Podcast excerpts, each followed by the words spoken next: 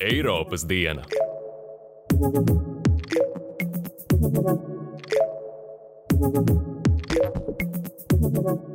Sveicināti Eiropas dienā! Es esmu Andris Uzāns. Šajā epizodē pievērsīsimies tam, kādu ietekmi Covid-19 pandēmija Eiropas Savienībā ir atstājusi uz cīņu ar vēzi, un aplūkosim jaunākos secinājumus par attālināto darbu, kas atstāja arī ietekmi uz strādājošo veselību un tiesību ievērošanu. Miega traucējumi, augstāks trauksmes un stresa līmenis, aptaukošanās un depresija. Šādas daudziem ir attālinātā darba sekas. Covid pandēmija mums pierādījusi, ka mēs varam strādāt arī citādi. Attālinātais darbs daudziem bija kaut kas nepierasts, taču situācija spieda pielāgoties. Šobrīd Eiropas vadošie pētnieki steidz izvērtēt ieguvumus un zaudējumus. Kā galvenie iegūmi tiek minēts tas, ka šādi pandēmijas apstākļos izdevies saglabāt daudz darba vietu. Ceļā uz un no darba pavadīto laiku varam izmantot citādi un varam baudīt lielāku autonomiju, esot prom no kolēģu un priekšnieku acīm. Tomēr par visām šīm priekšrocībām itin bieži maksājam ar savu veselību. Turklāt bieži zūd robeža starp darbu un personīgo laiku, kā rezultātā daudzi pārstrādājas un palielinās izdegšanas risks. Savukārt priekšniekiem ir arvien lielāka vēlme izmantot dažādus digitālos rīkus, lai pārbaudītu, vai padotie patiešām strādā. Šie ir secinājumi pētījumā par attālinātā darba ietekmu strādājošiem un sabiedrību, kas prezentēts Eiropas parlamenta nodarbinātības un sociālo lietu komitejā. Ar šo pētījumu iepazīstināsim šajā podkāstā.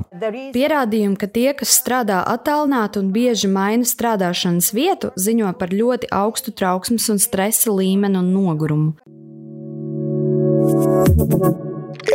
Covid-19 pandēmijas novārdzinātās valstu veselības aprūpes sistēmas var saņemt jaunu triecienu. Arvien vairāk pētījumu apstiprina, ka valstis un to iedzīvotājus sagaida onkoloģisko saslimšanu trieciena vilnis, jo vēzis taču negaida, kamēr pandēmija būs beigusies. Saskaņā ar Eiropas vēža organizācijas publicētajiem datiem, pandēmijas un noteikto ierobežojumu dēļ visā Eiropā palaists garām gandrīz viens miljons vēža gadījumu. Pētījums apliecina, ka katrs otrais pacients ar iespējamiem vēža simptomiem nav steidzami nosūtīts diagnostikai, bet katrs piektais vēža slimnieks Eiropā joprojām nesaņem nepieciešamo ķirurģisko vai ķīmijterapijas ārstēšanu. Lai apspriestu rīcību cīņā ar šo pieaugušo draudu sabiedrības veselībai, Eiropas parlamenta īpašā komiteja cīņai pret vēzi pagājušo mēnesi pulcējās, lai formulētu parlamenta nostāju par Eiropas komisijas šogad piedāvāto Eiropas vēža uzveikšanas plānu.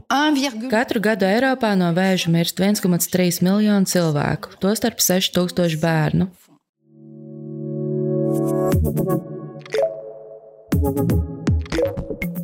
Thank you. Jūlija beigās Eiropā tika sasniegts būtisks pagrieziena punkts cīņā ar covid-19 pandēmiju. Eiropas Savienībā 70% pieaugušo saņēmuši vismaz vienu covid-19 vakcīnas devu, tā paziņojusi Eiropas komisija. Šim faktam par godu ar īpašu paziņojumu uzstājās Eiropas komisijas prezidente Urzula Fonderleina. Eiropas Savienība turēja savu vārdu un izpildījusi solīto. Mūsu mērķis bija aizsargāt 70% Eiropas Savienības pieaugušo ar vismaz vienu vakcināciju jūlijā. Šodien mēs esam sasnieguši šo mērķi, un 57% pieaugušo jau ir pilna aizsardzība ar dubulto vakcināciju. Šie skaitļi izvirza Eiropu pasaules līderu vidū. Process ir bijis ļoti veiksmīgs, taču mums tas ir jāturpina. Vīrusa delta paveids ir ļoti bīstams, tāpēc es aicinu ikvienu, kam ir iespēja vakcinēties, savai veselībai un lai pasargātu citus. Eiropas Savienība turpinās nodrošināt pietiekamu vakcīnu daudzumu. Tiesa gan dažādās savienības daļās vakcinācijas rādītāji ir stipri atšķirīgi. Tā Rumānijā tikai nedaudz virs 30% pieaugušo iedzīvotāju ir saņēmuši vismaz vienu vakcīnas devu. Tā liecina Eiropas slimību profilakses un kontrolas centra aplēses. Savukārt Dānijā pilnībā vakcinēti 67% pieaugušo, bet vismaz vienu devu līdz šim saņēmuši 86%. Jāpiebilst, ka pēdējo nedēļu laikā delta paveida dēļ, kas ir lipīgāks par iepriekšējiem paveidiem, daudzās pasaules valstīs pieredzēts strauji inficēšanās gadījumu skaita kāpums. Eiropas Savienības fondu līdzšinējais pienesums Latvijas iekšzemes koprodukta izaugsmē ir vidēji 1 līdz 1,5% gadā. Tā prēķinājusi Finanšu ministrija. Eiropas Savienības fondu plānošanas periodā, kas ilga no 2014. gada līdz 2020. gadam, pieejamais fondu finansējums Latvijai bija 4,4 miljārdu eiro apmērā. Tāds pat apjoms būs pieejams plānošanas periodā no šī līdz 2027. gadam. Finanšu ministrijā norāda, ka nākamajā plānošanas periodā Latvija koncentrēsies uz reformām un investīcijām, kas cels Latvijas ekonomikas ražīgumu un uzņēmumu konkurētspēju, turpinot Latvijas ekonomikas pārveidu uz zināšanās balstītu ekonomiku. Latvija Eiropas fondu izmantošanai izvirzījusi sešus galvenos virzienus, kas ietverti arī Nacionālajā attīstības plānā. Pirmais no tiem - viedāka Eiropa paredz inovatīvas un viedas ekonomiskās pārmaiņas, pētniecības un prasmju attīstīšanu, atbalstu uzņēmēju darbībai un digitalizācijai, tajā skaitā digitālajai savienojamībai. Otrais virziens - zaļāka Eiropa, virzoties uz klimata neutralitāti, pielāgojoties klimata pārmaiņām un īstenojot vides aizsardzības politiku. Trešais - savienotāka Eiropa, droša, ilgspējīga un pieejama transporta attīstība. Ceturtais - ieguldījuma virziens - sociālāka Eiropa, nodrošinot vienādas iespējas un piekļuvi izglītībai, veselības aprūpei un darba tirgum, kā arī taisnīgus darba nosacījumus, sociālo aizsardzību un iekļaušanu. Piektais virziens - iedzīvotājiem tuvāka Eiropa, veicinot ilgspējīgu un līdzsvarotu reģionu attīstību. Un pēdējais sastais ieguldījuma virziens - atbalsts sociālo-ekonomisko grūtību risināšanai saistībā saistībā ar pārkārtošanos uz klimata neutralitāti.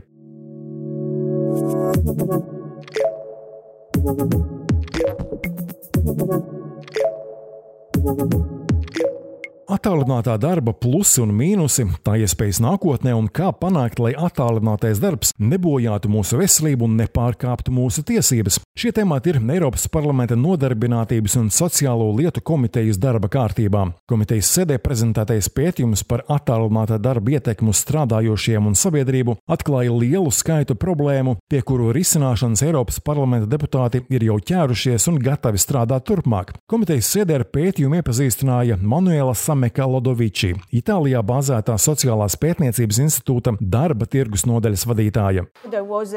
Covid pandēmijas laikā ļoti strauji pieauga attālinātā darba, jo īpaši darba no mājām iespēju izmantošana. Attālināta strādājošo daļa pieauga no mazāk nekā 16% pirms pandēmijas līdz vairāk nekā 36%, kas ir vairāk nekā viena trešdaļa no pandēmijas laikā strādājošajiem. Pandēmika. Pētījumā secināts, ka dažādas attālinātā darba formas Covid-19 pandēmijas laikā izmantoja daudz plašāks nozaru un profesiju klāsts nekā iepriekš, lai gan to joprojām lielākoties izmantoja tā sauktās baltās apaklītes un augsti izglītoti darbinieki ar labām digitālajām prasmēm. Nākotnē, un tā sākas jau tagad, tiek sagaidīts, ka attālināta darba izmantošana turpināsies, lai gan vairāk hibrīdās formās, ne pilnu slodzi kā Covid pandēmijas laikā, bet apmēram no vienas līdz trim dienām nedēļā.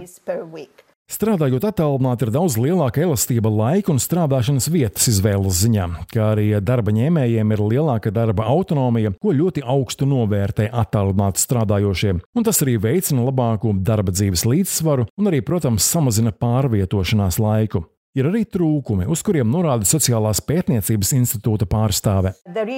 Pierādījumi, ka tie, kas strādā attālināti un bieži maina strādāšanas vietu, ziņo par ļoti augstu trauksmes un stresa līmeni un nogurumu. 41% no šiem darbiniekiem ziņo par šādu veidu sekām. Šādas sekas ir tikai 25% to darba ņēmēju, kuri turpina strādāt parastajās darba vietās, un attālināti strādājošajiem biežāk novēroti miega traucējumi.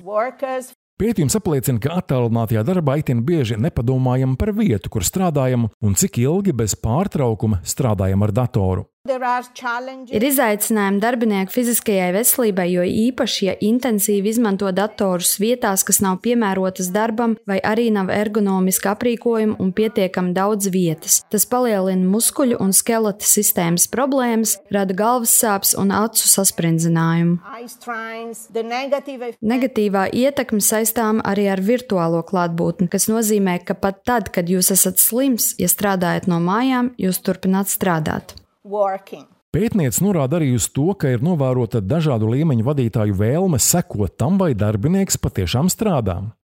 Darba devēja vidū ir palielinājies pieprasījums un vairāk tiek izmantoti tiešsaistes darba vietas uzraudzības rīki, un tas var apdraudēt darba ņēmēja tiesības uz privātumu un vienlīdzīgu attieksmi. Pēc Eiropas parlamenta nodarbinātības un sociālo lietu komitejas pasūtījuma veiktajā pētījumā norādīts uz jomām, kurās vajadzētu domāt par likumdošanas sakārtošanu, lai netiktu pārkāptas dažādas strādājošo tiesības. Jāpievērš uzmanība īpašām šo darbinieku tiesībām, piemēram, tiesībām atslēgties, tiesībām uz līdzvērtīgu atalgojumu un attieksmi salīdzinājumā ar citiem darbiniekiem, tādos jautājumos kā darba laika noteikumi, veselības un drošības pasākumi, digitālās apmācības un aprīkojums, kā arī tiesības uz privātumu un datu aizsardzību. Šogad Eiropas parlaments jau atbalstīja likumdošanas iniciatīvu, prasot Eiropas komisijai ierosināt tiesību aktu, kas digitālajā vidē strādājošiem dotu tiesības atslēgties no darba lietām ārpus darba laika. Eiropas parlamenta deputāti uzskata, ka tiesības nebūt sasniedzamām ir pamatiesības, saskaņā ar kurām darbinieki ārpus darba laika drīkst nepildīt darba pienākumus, proti viņiem nav jāatbild uz zvaniem, ēpastiem un jārēģē uz jebkādu citu digitālu saziņu. Eiropas Savienības likumdošanā arī būtu jānosaka attālinātā darba minimālās prasības un jāprecizē darba nosacījumi, darba laiks un pārtraukumi. Eiropas parlamenta deputāts no Maltas Aleks Adžus Saliba, kurš ir parlamenta ziņotājs jautājumā par tā sauktajām tiesībām atslēgties, skaidro situāciju ar attālināto darbu šobrīd un to, kāpēc nepieciešamas likumdošanas izmaiņas. Mums ir jātiek galā ar mūsu darba spēku jauno realitāti. Mums ir jātiek galā ar attālināto darbu, kas ir atstājis arī pozitīvu ietekmi mūsu dzīvēm. Tas ir ļāvis saglabāt neskaitāmas darba vietas, tas ir samazinājis pārvietošanās laikus, bet tajā pašā laikā mūsu strādājumi strādājošie maksā augstu cenu. Viņi maksā visaugstāko cenu ar negatīvo ietekmi, kas ir pārstrādāšanās, aptaukošanās, depresija, muskuļu un acu slimības. Tātad šīs ir tās negatīvās sekas, kuras mēs kā Eiropas Savienība varam novērst, un mēs to varam paveikt regulējot attālinātā darba nākotni. Tātad mums ir vajadzīgs atbilstošs likumdošanas ietvars, un arī mums pēc iespējas ātrāk ir nepieciešamas šīs tiesības atslēgties. Eiropas fonds dzīves un darba apstākļu uzlabošanai pētījumā secinājis, ka cilvēki, kas strādā no mājām, divreiz biežāk pārsniedz maksimālo nedēļas darba stundu skaitu, proti 48 darba stundas, salīdzinot ar darbiniekiem, kuri strādā darba devēja telpās. Gandrīz 30% no mājām strādājoši apgalvo, ka viņi savā brīvajā laikā strādā ikdienas vai vairākas reizes nedēļā. Turpretī no birojā strādājošiem darbiniekiem brīvajā laikā strādā 1,5%. Eiropas parlamenta deputāts Aleks Adžus Salība skaidro, ko īsti nozīmē šīs tiesības atslēgties. Mērķis tiesībām atslēgties ir radīt šo robežu starp darba laiku, privāto laiku un ģimenes laiku un atpūtas laiku, kura nav skaidri noteikta. Tā ir jaunā realitāte, kurā mēs šodien dzīvojam, ar šo pārmērīgo darbu, ar šo netipisko darbu, kas ir ļoti pamanāmi. Tāpēc tas ir patiešām svarīgi, lai šie tiesību akti tiktu apstiprināti Eiropas Savienības līmenī, lai šīs mūsu darbinieku pamatiesības, kas ir pamatiesības uz pienācīgu atpūtas laiku, ikdienas un ikdienas atpūtas laiku, ir aizsargāts jaunajā digitālajā realitātē, kurā mēs dzīvojam. Parlaments ļoti skaidri izteica mūsu ieteikumus, kas ir apstiprināti, un tie ir pilnvērtīgs, pilnībā izstrādāts likumdošanas akts, pilnībā izstrādāta direktīva. Tāpēc tagad tālākais ir Eiropas komisijas ziņā. Gott.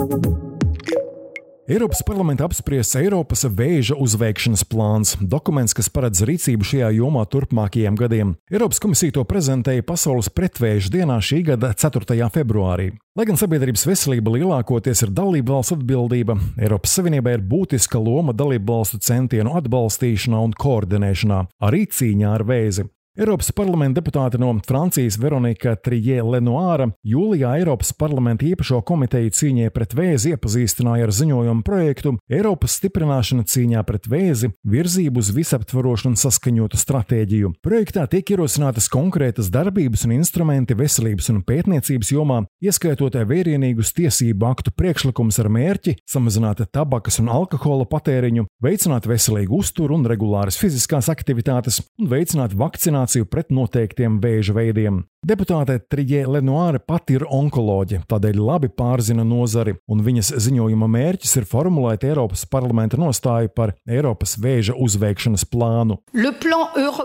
Eiropas plāns cīņai pret vēzi ir pirmais solis ceļā uz Eiropas Savienības sadarbību veselības jomā. Plānā ir četras galvenās darbības jomas - profilakse, skrīnings un agrīna diagnostika, taisnīga piekļuva kvalitatīvai ārstēšanai un atbalsts vēzi uzveikušajiem un cilvēkiem, kas par viņiem rūpējas. Eiropas vēža uzveikšanas plāna mērķis ir samazināt vēža slogu pacientiem un ģimenēm, kā arī veselības aprūpes sistēmām. Plāna būtiska sastāvdaļa ir novērst ar vēzi saistīto nevienlīdzību starp dalību valstīm. Nevienlīdzība īpaši jūtama Austrum Eiropas un Centrāla Eiropas valstīs, kur jācīnās ar zemāku finansējumu līmeni, speciālistu pieejamību un piekļuvi vismodernākajām ārstēšanas metodēm. Tālūk, Zviedrijas Veselības ekonomikas institūta 2019. gadā publicētie skaitļi parāda nevienlīdzības nāvējošās sekas vēža aprūpē.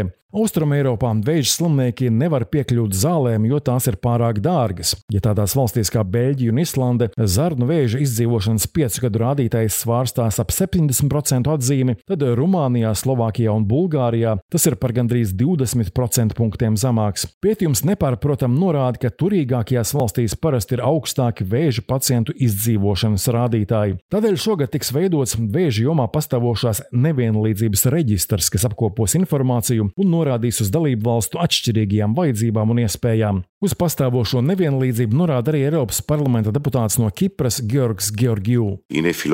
Vēzis neko nezina par dažādām politiskām partijām, atšķirīgiem uzskatiem vai reliģijām. Ziņotāji ir uzsvērusi ļoti svarīgu aspektu, ka vēža aprūpas un ārstēšanas ziņā pastāv daudz nevienlīdzības. Tālūk, Kipras pilsoņi saņem atšķirīgu aprūpi nekā Francijas vai Vācijas pilsoņi. Tādēļ ir svarīgi panākt, ka veselības aprūpe visā Eiropā ir vienots sabiedriskais labums.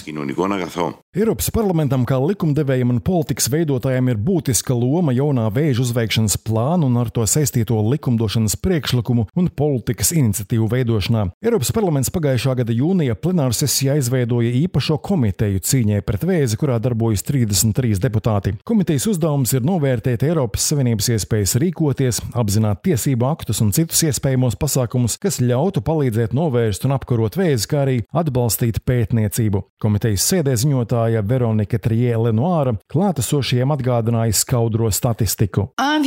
Katru gadu Eiropā no vēža mirst 1,3 miljonu cilvēku, tostarp 6000 bērnu. Ir ļoti daudz cerību pacientiem, kuri gaida efektīvu ārstēšanu, un arī 12 miljonu vēzi pārcietušo cer uz atgriešanos ierastajā dzīvē. Normāla. Veronika Strajē Lenoāras pieminētie 1,3 miljonu cilvēku, kas katru gadu mirst no vēža, ir 25% no visiem nāves gadījumiem Eiropā. Vēzis ir otrais galvenais mirstības cēlonis Eiropas Savienībā pēc sirds un asinsvadu slimībām. Katru gadu tiek uzstādīti 3,5 miljoni jaunu diagnožu, un šiem skaitļiem ir tendence pieaugt ik gadu. Ja pašreizējā tendence turpināsies, tiek prognozēts, ka līdz 2035. gadam vēža gadījumu skaits būs dubultojies, un vēzis Eiropas Savienībā būs kļuvis par galveno nāves cēloni. Kā galvenie riska faktori vēža attīstībai tiek minēti smēķēšana, liekais svars, alkohola lietošana, ultraviolētā starojuma ietekme, maskustīgs dzīvesveids un zems augļu, dārziņu un šķiedrvielu saturs uzturā. Eiropas parlamenta komitejas cīņai ar vēzi sēdē tika uzsvērts, ka īpaša uzmanība Eiropā jāvelta tabakas patēriņam patēriņa mazināšanai.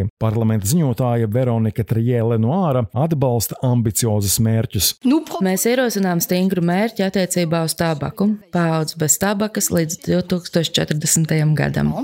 Tabakas lietošanas ierobežošanai komitejas sēdē pievērsās arī deputāts no Vācijas ārsts Pēters Līze, pieskaroties pretrunīgi vērtētajam jautājumam par elektroniskajām cigaretēm. Tabaka joprojām ir problēma numur viens, un mums ar to jāsaskars dažādos veidos. Daži cilvēki saka, ka e-cigaretes ir tikpat bīstamas kā cigaretes, taču zinātniski vērtējot, tā nav taisnība. Kad kaislīgi smēķētāji var pāriet uz e-cigaretēm, mēs varam glābt dzīvības.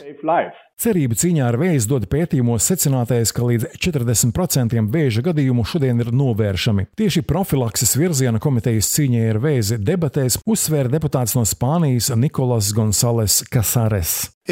Mēs domājam, ka ir jānosaka taustāmāki mērķi - 40% vēža gadījumu profilaksei. Mums ir jāmaina tabaks direktīva un jābūt stingrākiem attiecībā uz dažiem šeit pieminētajiem aspektiem.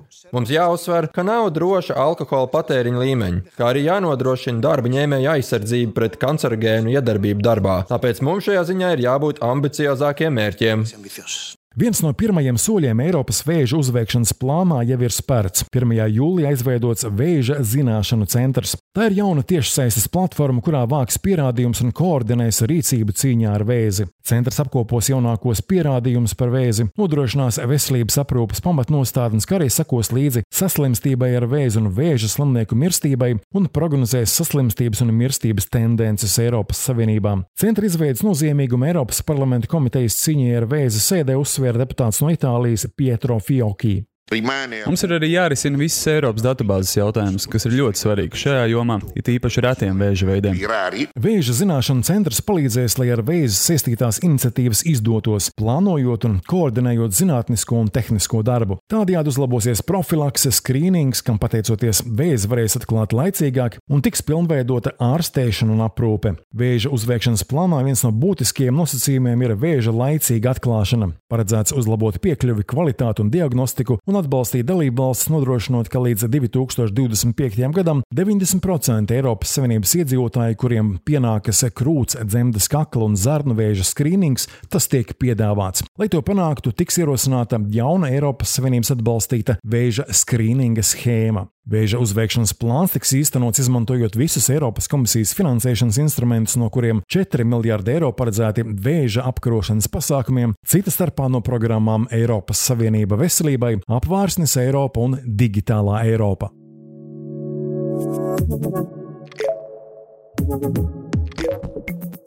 Raidījuma izveidi finansiāli atbalsta Eiropas parlaments.